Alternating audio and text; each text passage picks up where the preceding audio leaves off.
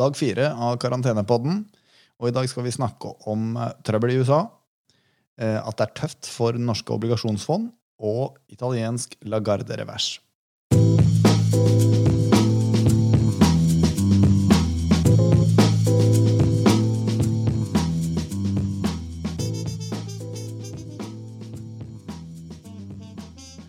Dette kan jeg selvfølgelig ikke gjøre uten min eh, trofaste sidekick Christian Lie, som jeg da ringer opp fra hovedkontoret på Hamar.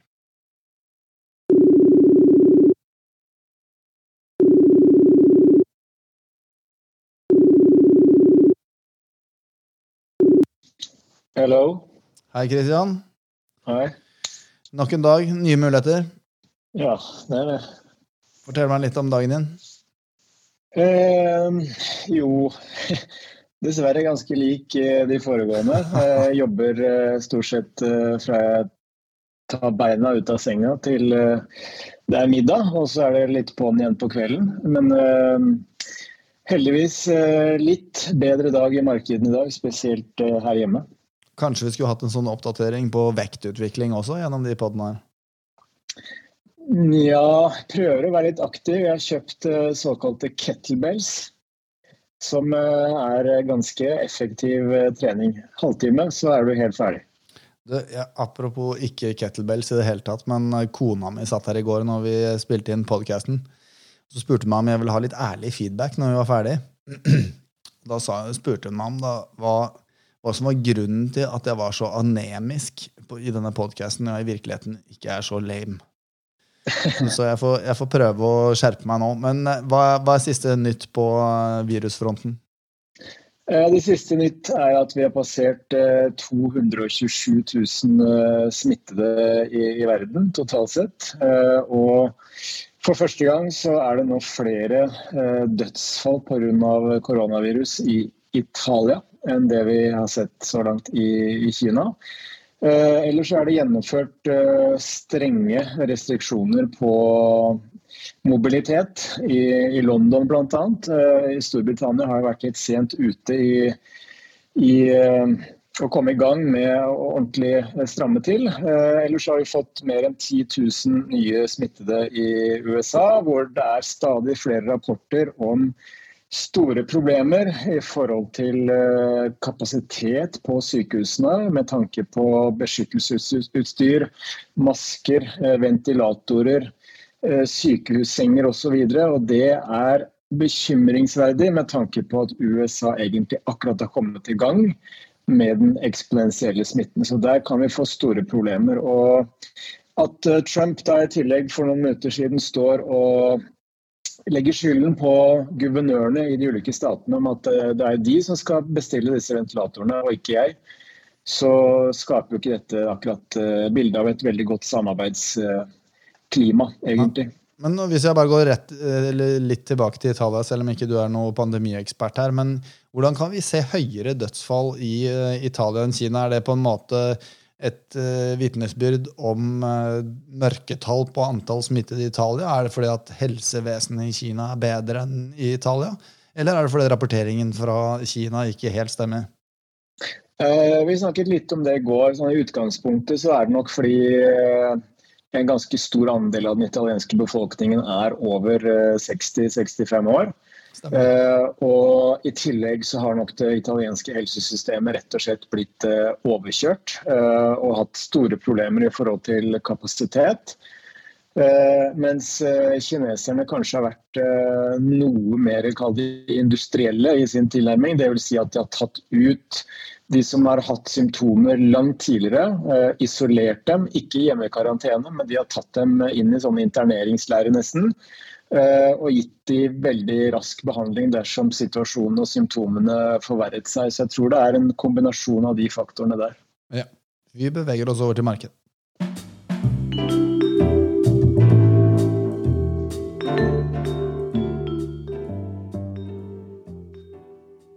Så hvordan stengte de i USA i går, og hvordan har det gått i dag? I dag så har det vært en langt bedre dag, spesielt på, på Oslo Børs. Opp 4,6% på hovedindeksen. med god hjelp fra en oljepris som steg 13% 13,4% og Det interessante her med, med, oljeprisen er at eh, det er eh, rapporter om at eh, Trump-administrasjonen nå ønsker å legge press på både Saudi-Arabia og Russland i forhold til å få oljeproduksjonen ned. Og først og fremst gjelder dette Saudi-Arabia, som er en alliert av USA. Hvor eh, Trump eh, visstnok da skal ønske å legge press på Saudi om at de må begynne å øke oljeproduksjonen igjen til der den var før dette famøse møtet fredag for 12-13 dager siden. Eh, og I tillegg så er det også snakk om at USA skal kjøpe opp olje, slik at de fyller sine strategiske oljelagre til randen. Pluss nye sanksjoner mot Russland, eh, eventuelt da for å tvinge de også til å, å redusere oljeproduksjonen eh, noe. Så dette er jo helt klart eh, gode nyheter for en skadeskutt Oslo Børs. Og som også da har fått litt gode nyheter i dag i forhold til det norske finansielle systemet med tanke på at den amerikanske sentralbanken har tilbudt såkalte eh, valutaswap-linjer eh, til 13 ulike sentralbanker, inkludert den norske, som da i prinsippet betyr at det blir bedre tilgang til dollar eh, i det globale finansielle systemet. Og Eksempelvis så vet vi at den norske pengemarkedsrenten, altså Nibo-renten, den er jo utledet fra eh, tilgangen på dollar, dollarswapper. Og den har vi også sett falt kraftig. Det indikerer da mindre stress i det norske finansielle systemet isolert sett. Så en del gode nyheter der. Men det er tøft for norske obligasjonsfond? Ja, eh, og, og, jeg får mange spørsmål om det om dagen. Fordi eh, det vi liksom normalt ser på som eh, trygge eh, norske obligasjonsfond som investerer i f.eks. norske banker, Eh, som har lav risiko for mislighold. Det er ikke i nærheten av det vi kan kalle high yield, som vi vet eh, har vært populært blant mange en stund. Men dette er såkalt investment grade-oblasjoner med ganske solid kredittrating. Men likevel så har vi sett at den såkalte kredittspredden, eller risikopåslaget, for eh, norske kystbankobligasjoner eksempelvis, som vi investerer i, i stor grad i våre obligasjonsfond, er nå på høyere nivå enn det den var under finanskrisen. Og det skyldes bl.a. at eh, det har vært likviditetsproblemer. Det er færre eh, aktører på kjøpersiden, eksempelvis bankene. Og Det bidrar til at når likviditeten faller, det blir større avstand mellom kjøpere og selgere bl.a., så ser vi at man kan få ganske voldsomme byks i den kredittspredden. Og når den kredittspredden stiger, så betyr det alt annet likt at kursene på populasjonene faller, selv om det i utgangspunktet er lav sannsynlighet for at noen av disse utstederne av obligasjoner skal få problemer med å betale gjelda si. Du må fortelle meg om denne italienske Lagarde-reversen også. Ja, eh, først jeg vil bare si også det når det gjelder obligasjonsfondet, at ofte så blir dette en sånn relativt kortvarig smell i avkastningen. Men det vi også skal huske på, det er at disse obligasjonsfondene har jo verdipapirer som hele tiden forfaller. Og da må obligasjonsfondene ut og kjøpe nye. Og Det betyr at de da betaler i prinsippet en langt lavere pris for obligasjonene enn det de har gjort tidligere, som da er det samme som at de får en langt høyere løpende avkastning også på obligasjonene. Så Utsiktene for at vi kan få god avkastning i obligasjonsfondet fremover, når spreddene er på så sinnssykt høye nivåer, er faktisk ikke så helgærent. Men eh, avslutningsvis i forhold til eh, denne Lagarde-reversen, så skapte jo Christine Lagarde, som er eh, sentralbanksjef i eurosonen, mye trøbbel i finansmarkedene forrige uke. Når hun i en pressekonferanse uttalte at eh, ECB ikke er der to close the spreads. Og på norsk så betyr det at det er ikke ECB sin oppgave å forhindre at eh, statsrentene eh, i først og fremst Italia tenkte du nok på da, stiger i forhold til de tyske f.eks.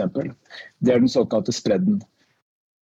Men det utløste et kraftig kursfall for de italienske statsobligasjonene, hvor rentene da steg kraftig, som er et tegn på mistillit fra investorene, og som var ekstremt dårlig timing fordi at eh, den italienske staten skal jo nå bruke masse penger som de egentlig ikke har råd til å bruke, for å støtte økonomien og helsesystemet i en krise. Og hvis ECB, ECB da indirekte ikke hadde brydd seg om at de italienske rentene steg i været, så ville det skapt et superproblem. Men i går kveld så lanserte ECB, den europeiske sentralbanken, en ny omfattende tiltakspakke. Uh, ytterligere 750 milliarder euro som de skal bruke på å kjøpe statsobligasjoner, inkludert de italienske og greske. Så i dag så har disse italienske, og greske og spanske statsrentene falt tilbake ganske mye, og det er veldig bra. Og det er betryggende signal for at statene skal kunne finansiere disse utgiftene for å bekjempe økonomisk krise eh, noe rimeligere. Det er godt at noen kan gå tilbake på sitt opprinnelige standpunkt, noe jeg ikke tror min kone gjør angående hvor lame du og jeg er etter den sendingen her. Men takk til Hamar, så høres vi igjen i morgen. Over og ut.